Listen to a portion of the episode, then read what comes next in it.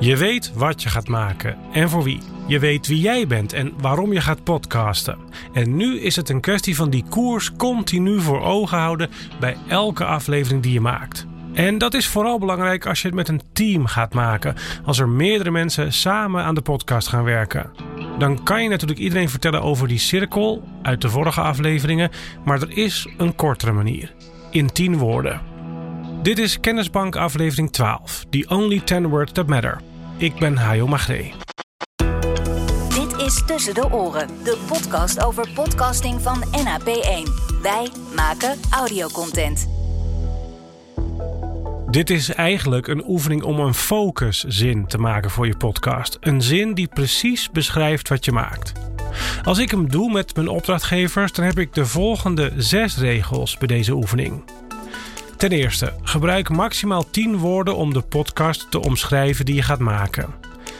2. De woorden mogen niet van toepassing zijn op iets anders dan jouw podcast. 3. Wees zo specifiek mogelijk. 4. Vermijd de so what reactie. 5. De omschrijving is voor intern gebruik. En 6. Gebruik geen van de verboden woorden. En welke dat zijn, daar kom ik zo nog op terug. Maar laat ik eerst al die regels eens één voor één met je doornemen. Regel 1 was dus gebruik maximaal 10 woorden om je podcast te omschrijven. En dat is op zich een hele eenvoudige regel. En de reden is dat een maximum van 10 je dwingt om het kort en bondig te houden. Regel 2. De woorden mogen niet van toepassing zijn op iets anders dan jouw podcast. En dat betekent dat je geen zin mag bouwen die ook iets anders zou kunnen beschrijven. Dus niet iets dat je bijvoorbeeld ook zou kunnen plakken als etiket op een blog of een krantenartikel of een video.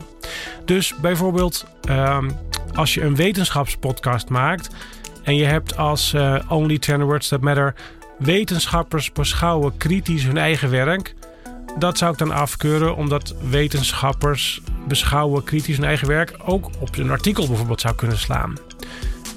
En even tussen twee haakjes, dit was ook nog minder dan 10 woorden, dus je hebt nog iets meer ruimte om het specifieker te maken. En dat is dan ook regel 3, wees zo specifiek mogelijk als we het nog even bij die wetenschapspodcast houden, gesprekken over wetenschappelijke onderzoeken. Zou bijvoorbeeld zo'n beschrijving kunnen zijn. Maar dat is me dan nog te weinig concreet. Ik zou dan willen horen kritische gesprekken over natuurkundeonderzoeken of, of zoiets. Dat is dan al specifieker. Regel 4 was vermijd de so what reactie. En daarmee bedoel ik dat er wel een beetje een reden om te luisteren in moet zitten. Nou ja, een beetje, een sterke reden eigenlijk. Even een heel gechargeerd voorbeeld. Verhalen waarin voedingsdeskundigen vertellen dat je verse groenten moet eten, dat boeit me niet genoeg. Dat weet iedereen al. Regel 5. De omschrijving is voor intern gebruik. En daarmee bedoel ik dat het niet nodig is een zin te maken die je ook zo aan je publiek wil communiceren. We zijn hier niet de ondertitel van je podcast aan het schrijven. Het is bij wijze van spreken gewoon een zin die je groot op een A4'tje print en boven je monitor hangt. Maar het is niet iets dat je ooit zult delen met je luisteraars. Dus je hoeft geen mooie taal te schrijven. En het hoeft ook geen taal te zijn, geen zin te zijn die naar buiten mag. Het is geen communicatieproduct. En regel 6. Gebruik geen van de verboden woorden. Op het moment namelijk dat je die so what reactie wil vermijden, is de verleiding groot om er woorden in te stoppen als meeslepende of fascinerende of geweldige. Al dat soort bijvoeglijke naamwoorden. Die mag je allemaal weglaten, die mogen er niet in. Ik zal je zo de hele lijst nog geven van die verboden woorden. Maar eerst even iets over de oplossing. Als je een omschrijving van 10 woorden hebt geconstrueerd en er blijkt nou toch zo'n verboden woord ingeslopen te zijn, dan is de oplossing vaak om aan jezelf te vragen: waarom is het briljant? Of waarom is het verbazingwekkend? Of waarom is het geweldig? En het antwoord op die vraag is dan vaak het begin van een zin die wel werkt. Nou, dit is die lijst met verboden woorden.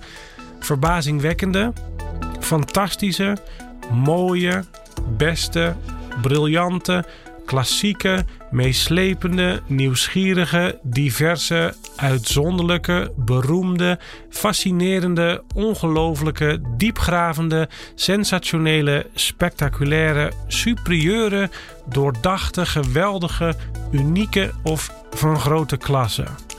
Die mogen allemaal niet. En dan kun je vast twee of drie verzinnen die hier nog niet tussen stonden, maar je begrijpt wat ik bedoel.